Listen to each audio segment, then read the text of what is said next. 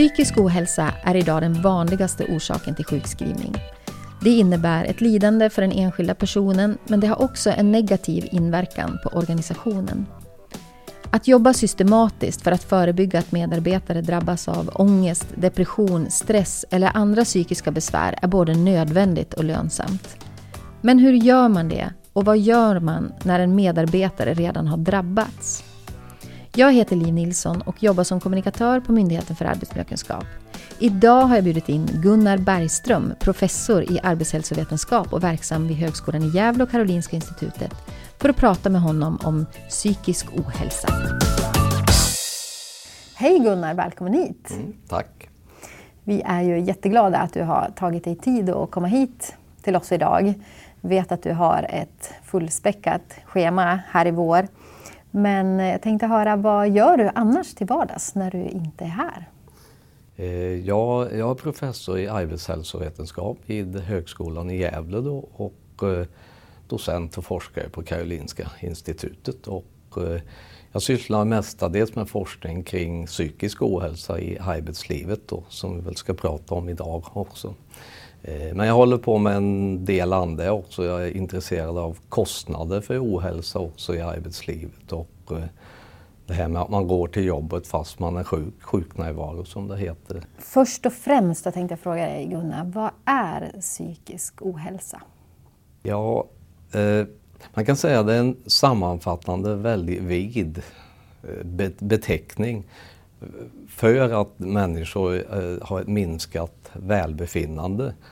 Och eh, det kan sträcka sig allt från en del symptom, att man känner sig orolig, ängslig eller nere ganska milda symptom ända in i eh, psykiatriska diagnoser och kraftiga symptom. Så det är en väldigt vid beteckning. Eh, sen så, det som vi ska prata om idag, den arbetsrelaterade psykiska ohälsan, den är ju ofta mild till måttlig. De flesta som har problem med det på jobbet har ju milda till måttliga besvär då. Det kan ju vara att man är nedstämd eller deprimerad eller eh, många som har det som kallas utmattning idag. Då. Det är ju vissa diagnoskapitel brukar man säga då, och att man är, har olika utmattningssyndrom eller stressreaktioner på olika sätt. Vilka är det som drabbas av psykisk ohälsa? Jo, ser man rent statistiskt, om man ser till eh, exempelvis då om jag går på det som blir sjukskrivna för det så att det, det blir så illa så att säga så man inte kan jobba så vet man att eh, det, det som har högst risk det är kvinnor i mellan 30 till 49 eller egentligen 30 till 39 om man ska vara riktigt eh, eh exakt. Och det ofta inom vård och omsorgsyrken också. Men samtidigt ska man inte göra det här till någon eh, manligt kvinnlig diskussion därför att inom vård och omsorgsyrken vet man också att även männen har en ökad risk skulle du säga, vad är det på jobbet som orsakar att man mår psykiskt dåligt? Alltså, när man kommer in på det så är det ju det man kallar för eh, faktorer som ökar risken då att man ska drabbas av psykisk ohälsa och då pratar vi här ofta om depression eller utmattning då. Det finns ett antal faktorer där som, eh, jag kanske, om jag börjar med den som är den mest beforskade, det är det med att ha höga krav och samtidigt lågt inflytande eller låg kontroll. Man brukar kalla det spänt arbete. Och det finns det ett antal studier som visar att om man har det under en tid så ökar risken också att man drabbas just av eh, någon form av psykisk ohälsa. Det som eh, kan tilläggas det är ju inte bara psykisk ohälsa som som ökar i förekomst under sådana arbetsförhållanden. Utan det även, kan även vara kroppsliga eh, sjukdomar, även hjärtsjukdom exempelvis eller ryggsmärta som ju är influerat av, av både fysisk och psykisk belastning. Mm. Man vet också att krav i sig, om det blir för höga så hjälper det inte. Vilket inflytande man än har så ökar risken för att man ska eh, få psykisk ohälsa av, av någon form. Sen om vi går till den sociala situationen på jobbet också som är viktig. Det är det med stöd från arbetskamrater, stöd från chef är också en, en sak som man vet att om det är för lågt så ökar återigen risken för att man ska få psykisk ohälsa. De här faktorerna också, Statens beredning för medicinsk utvärdering har ju tittat på det här då och eh, bland annat lyft fram de här faktorerna som viktiga. Mm. Sen ska vi inte bara tala om riskfaktorer här utan man kan också titta på faktorer som faktiskt skyddar mot uh, psykisk ohälsa och det är bland annat att uh, ha en bra och rättvis arbetsmiljö som man upplever som rättvis. Det, det, är en viktig sak. Så det finns saker man kan göra på jobbet, både minska på vissa saker och öka på andra. Eh, om man är chef då och har ansvar för ett antal medarbetare, hur märker man som chef att en medarbetare mår dåligt? Finns det några, några tecken sådär som man ska vara extra uppmärksam på? En sak, det är ju exempelvis om man ser att särskilt personer som har varit noggranna och sällan gör misstag och så vidare. Plötsligt att det börjar bli fel för dem, att det händer, händer sådana här saker. Det kan vara ett eh, tecken på att man är stressad och på väg in kanske i psykisk ohälsa. Eh, det kan också vara att det blir mer irriterat på arbetsplatsen. Att man har för hård press på sig. Det kan förstås också vara att man märker att folk eh, beter sig lite mer negativt mot varandra helt enkelt. Det kan vara att sjukfrånvaron börjar öka. Och det finns en rad sådana här saker som, som uppkommer som, som plötsligt eh, inte riktigt är sig likt.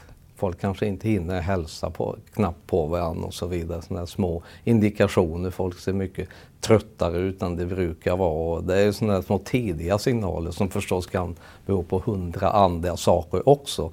Men om, om man lägger ihop dem och ser att flera av de här sakerna börjar inträffa, då kan det vara ett tecken på eh, att det är någonting på gång. Om man nu ser de här tecknen då, vad gör man? Vad ska man som chef göra? Man måste ju lyfta det här. Ibland kan det vara att en enskild anställd kommer till en och vill prata om det här. Då. Eh, men det är ju bra som chef och, det är väl så om man har ett bra förtroende som chef hos de anställda då är ju tröskeln mycket mindre också att, att ta upp sådana här saker. Eh, man kan ju lyfta det också i gruppen. Man har ju så kallade APT-möten som man förstås kan använda kring att diskutera kring de här sakerna och även se om det finns, ibland kan det finnas ganska eh, eh påverkbara saker som man kan ta tag i rätt så fort. För ofta är det inte ett individfenomen utan det är ofta en gruppfenomen, att det här är något som påverkar eh, många i en arbetsgrupp. Man kan inte bara avlasta en person exempelvis för någon annan måste göra jobbet. Så man får se till helheten, eh, vad som kan göras. Det kanske inte är alltid så lätt om man som medarbetare mår dåligt och gå till sin chef och berätta om sin arbetsbelastning eller att man kanske inte alltid kan vara helt ärlig med, med hur man mår. Hur kan man då som chef ta reda på hur medarbetarna verkligen mår? Man kanske inte får fram det i, i de här samtalen men man misstänker ändå att det finns. Ja, om man har, om man har eh, bra enkäter så kan man ju använda dem också att se på hur det ligger på, på organisationsnivå och i arbetsgrupper.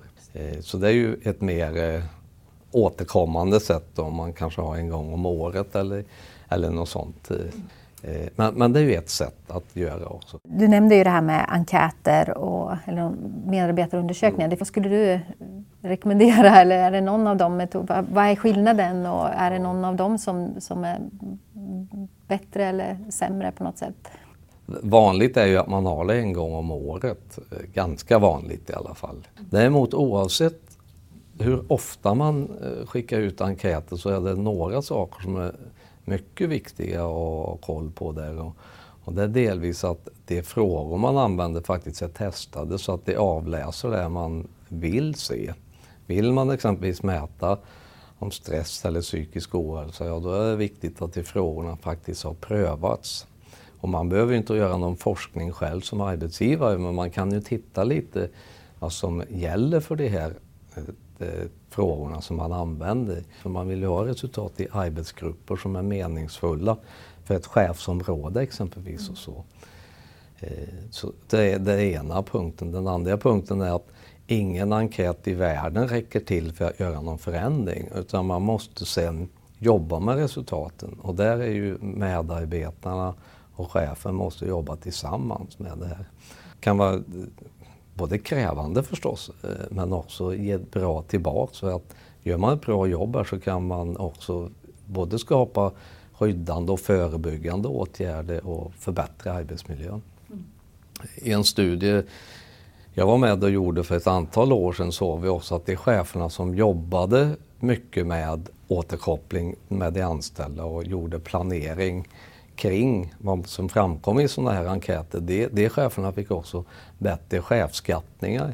Det får även en återverkning där, att det skapar ett förtroende tycktes det mellan de, från de anställda gentemot chefen. För att bara mäta saker och inte ta hand om det, det Ja, i värsta fall kan man fundera på det etiska med det mm. egentligen. För att det är ju också att ta på sig ett ansvar att man ska göra någonting. Jo, man förväntar sig, ja. tänker jag, som medarbetare ja. att det ska hända någonting ja, precis. om man har ställt man, frågan. Ja, för att sköter man det där bra, för det har jag också varit med om, men det har ju varit inom forskningsdelen då av det jag sysslar med, att faktiskt svarsfrekvensen kan öka eh, med tid om de anställda ser att ja, vi får faktiskt något tillbaks av det här. Så att det, det tror jag är en viktig sak, att man måste ha en återkoppling. Du sa det är viktigt att man funderar över vad är det man vill, vill veta och så. Finns det några eh, tips på enkäter som man kan ta redan nu eller, eller vad är ditt råd till arbetsgivarna för att hitta rätt verktyg för sin verksamhet? Det finns sådana på nät som är gratis att använda. Mm. Det finns en stor enkät som heter QPS Nordic som är utformad liksom och mäter krav i arbetsmiljön, inflytande av olika typer, olika typer av krav också och många andra saker, det klimatet, sociala klimatet på arbetsplatsen. Det finns en enkät till som heter Coopsoc. Eh, det är Copenhagen, ja, det är en förkortning av, men det, det är en liknande enkät men den har utvecklats lite mer eh, under senare år också. Som är igång och eh, som jag själv är med också och testar i en studie nu. Så Coops och QPS Nordic är två exempel på stora arbetsmiljöenkäter som, som man kan använda. Mm. Vad skulle du säga var det viktigaste i det förebyggande arbetet? Jag tror att man kan gå till de här faktorerna vi pratade om här tidigare. Det som man vet exempelvis skyddar eh, och som är bra för arbetsmiljön. Det här att man har en arbetsmiljö där, där man känner sig rättvist behandlad så, som anställd. Och det behöver inte innebära att alltid, man aldrig får, får liksom en negativ feedback eller något sånt. Man ser att det gäller alla. Liksom, här, här liksom jobbar vi tillsammans ändå för, för ett bra och gö, göra ett bra jobb kort och gott. Eh, jag tror också man kan titta på det här med inflytande, att det faktiskt ska finnas något rejält inflytande över arbetsprocessen för de anställda.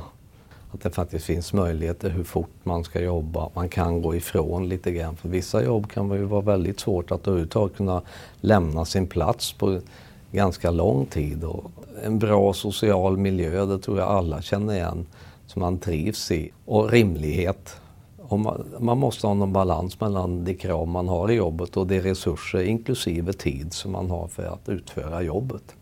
Det är ju också i linje med våra föreskrifter från Arbetsmiljöverket och så, att det ska vara så. Jag vet att det här är lätt att säga och det är många som kämpar med det här i vardagen för att få det att fungera också. Men jag tror att det finns inga genvägar här faktiskt. Eh, man måste se till att det är människor som man har att jobba med. Behöver man eh, jobba med cheferna på något speciellt sätt tror du? Alltså med utbildning och de bitarna kring, kring och de här sambanden som du beskriver nu? Ja, alltså cheferna har ju en stor ansvar och också en, en möjlighet att utföra det här. Och en, det som kallas första linjens chefer är ju det som har direkt med de anställda att göra vanligen. Så det har ju eh, ett stort ansvar. Men det vill jag också säga att det behöver i sig stöd också uppifrån i organisationen. Alltså från sina överordnade. För en första linjen chef kan inte trolla heller. Utan hen måste eh, ha, ha, stöd och det med, med stöd här menar jag att man faktiskt har möjlighet och tid att kunna exempelvis ta extra samtal med anställda ibland om det kan behövas och har faktiska eh, möjligheter också eh, utbildningsmässigt eller gå kurser som kan vara behövliga hur man exempelvis hanterar, eftersom vi pratar om psykisk ohälsa här, psykisk ohälsa, hur man kan eh, föra sådana samtal med, med anställda och så. Det finns en del ny forskning kring det som just visar att de anställdas syn på om de anser att den högsta ledningen i organisationen bryr sig och inte bara tänker på att organisationen ska producera utan också att man tänker på de anställdas hälsa och psykiska hälsa. Att det har betydelse också för nivåerna av ohälsa på arbetsplatsen. Så jag tror att hela organisationen måste vara med där. Om man märker att det uppstår situationer som man inte kan hantera i sin verksamhet, att, man inte, att ens kunskaper inte räcker till. Vad gör man? I ett sådant läge så, så får man överväga vilka resurser har man återigen för att köpa in hjälp. Det går ju förstås att köpa in punktinsatser. Det finns ju många, många konsulter som, eh, som kan vara jättebra i ett sådant läge.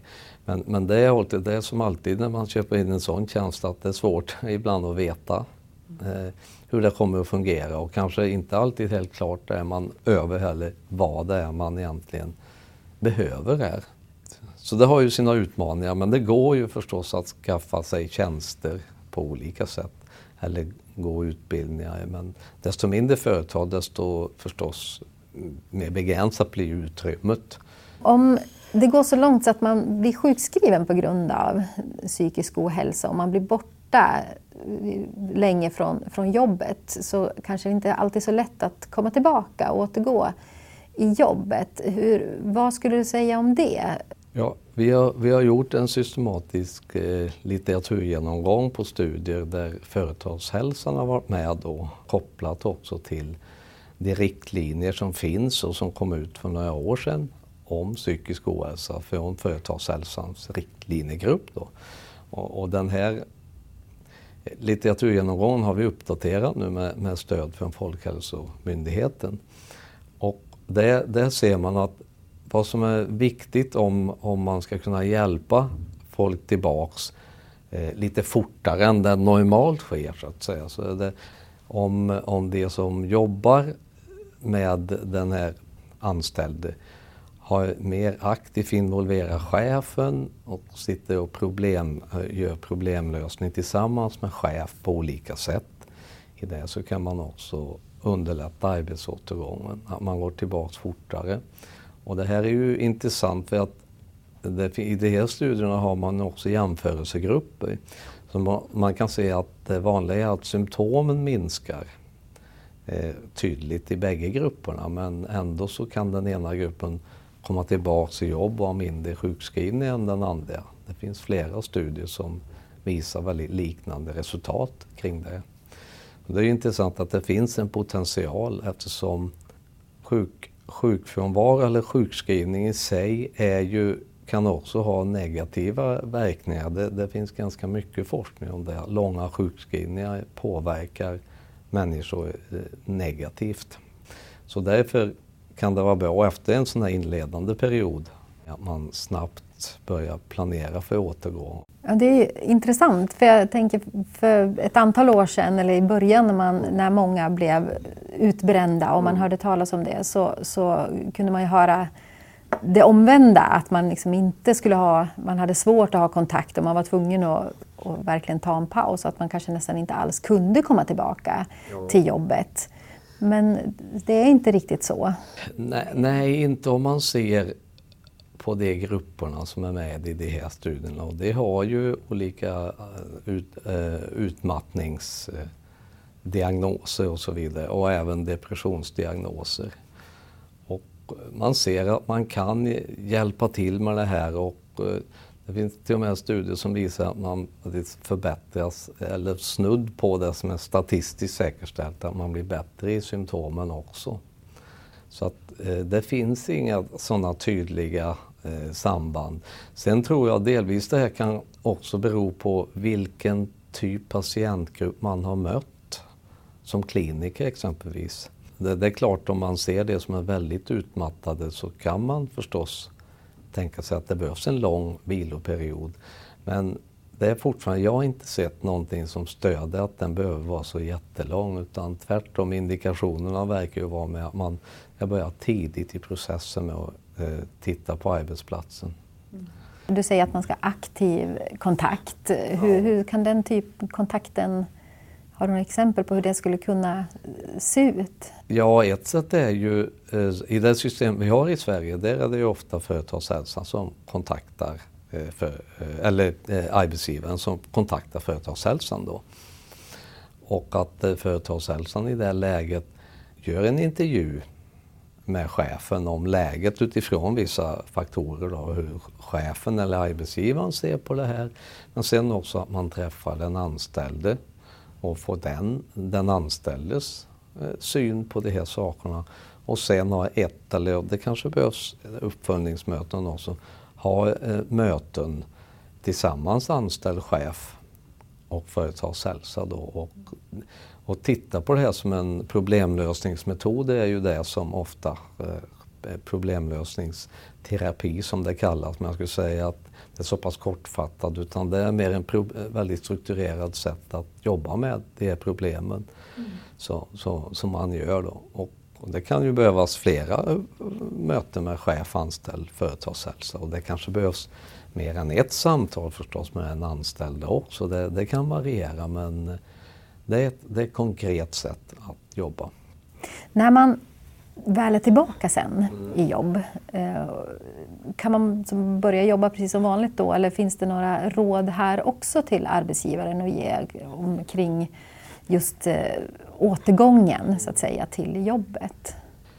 Jo men eh, det, är ju naturligt att, att man kan behöva titta om det finns möjligheter till vissa anpassningar. Delvis kan man göra en anpassning att man går upp successivt. Man liksom börjar kanske med 50% sjukskrivning eller man kan ju vara 75% sjukskriven också. Eh, så man tittar på det, så man har det.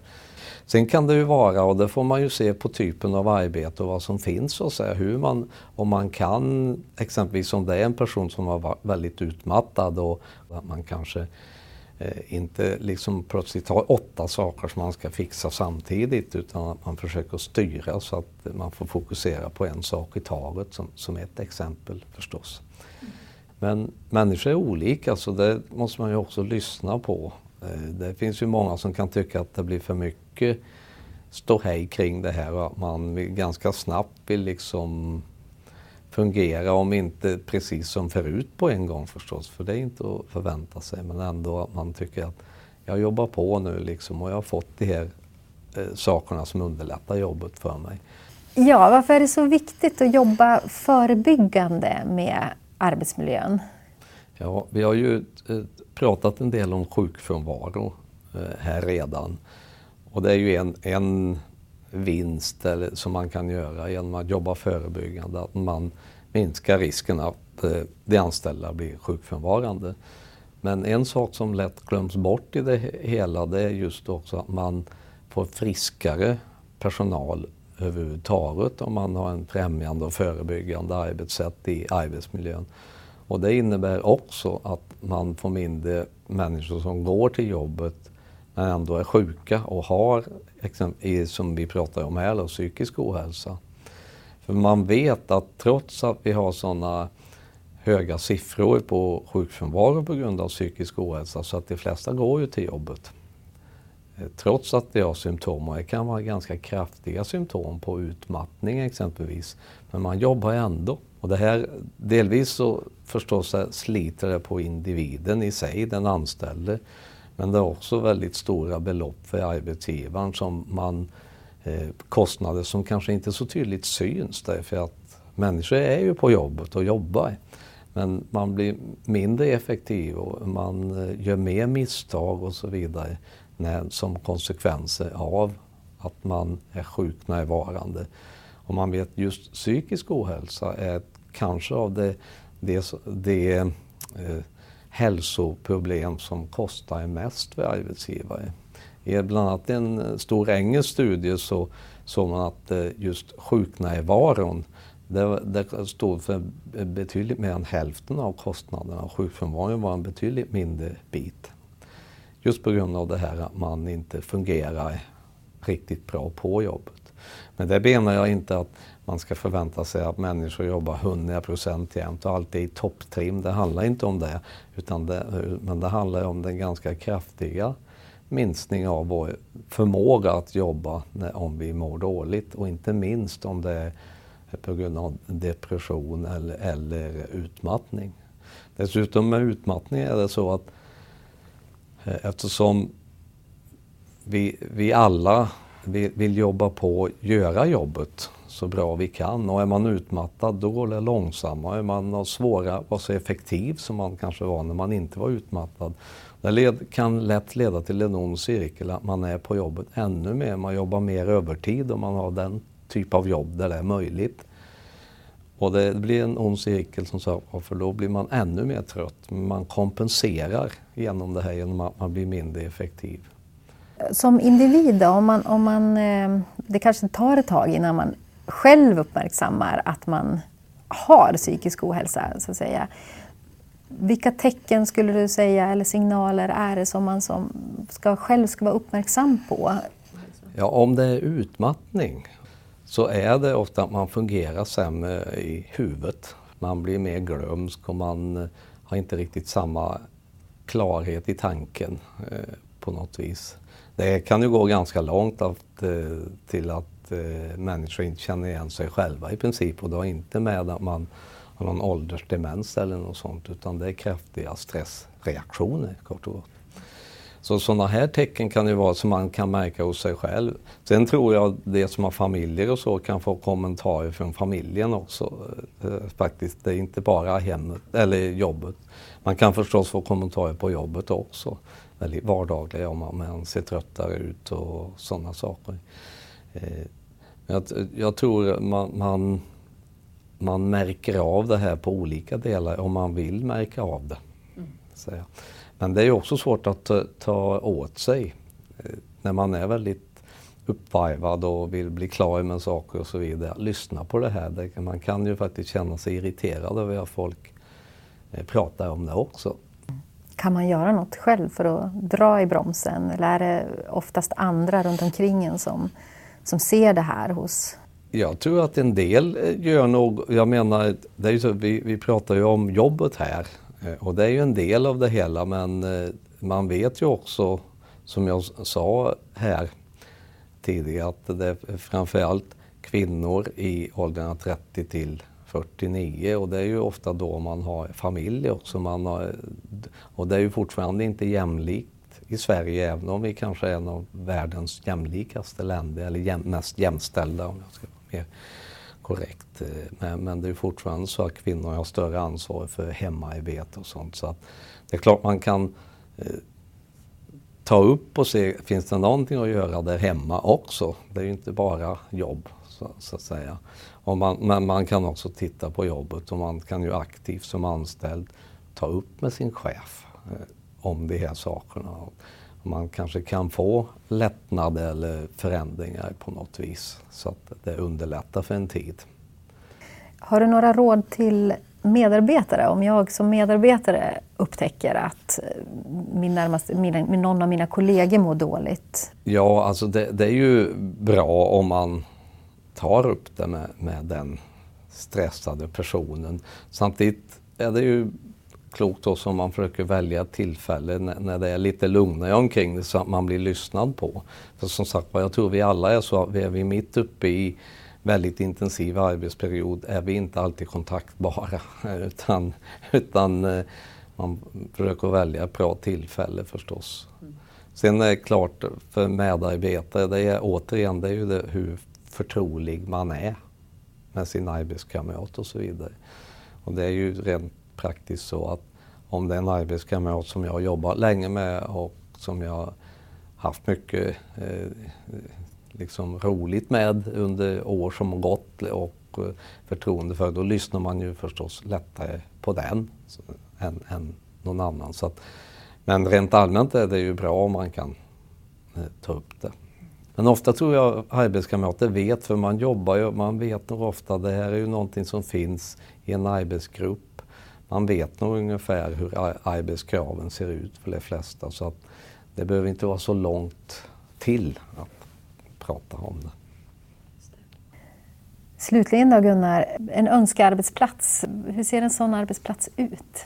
Jag kanske har en, en, en eh, lite skeptisk syn på det. Jag tror på något vis ska människor få någonting gjort så, så blir det alltid en utmaning för oss. Det kommer alltid att finnas krav på något vis. Men öns önskearbetsplatsen är förstås, som vi har varit inne på, att man ändå kan styra över hur man gör jobbet och eh, så mycket som möjligt och styra kanske till och med ibland eh, vem man jobbar med om det är möjligt. Men det är inte alltid möjligt. Eh, och sådana saker. att Man har ett bra stöd från arbetskamrater och tycker att det är en bra och rättvis arbetsplats. Och en sak också, alltså man blir uppmärksammad för att man gör ett bra jobb. Faktiskt. Det är också en sån här faktor som brukar ploppa upp i studier om att människor som känner att de får uppskattning när de har gjort ett bra jobb är skyddande eller att det minskar risk för psykisk ohälsa och åt andra hållet om de inte får det, att det ökar risken. Tack så hemskt mycket Gunnar för att du kunde komma hit. Mm, ja, tack så mycket.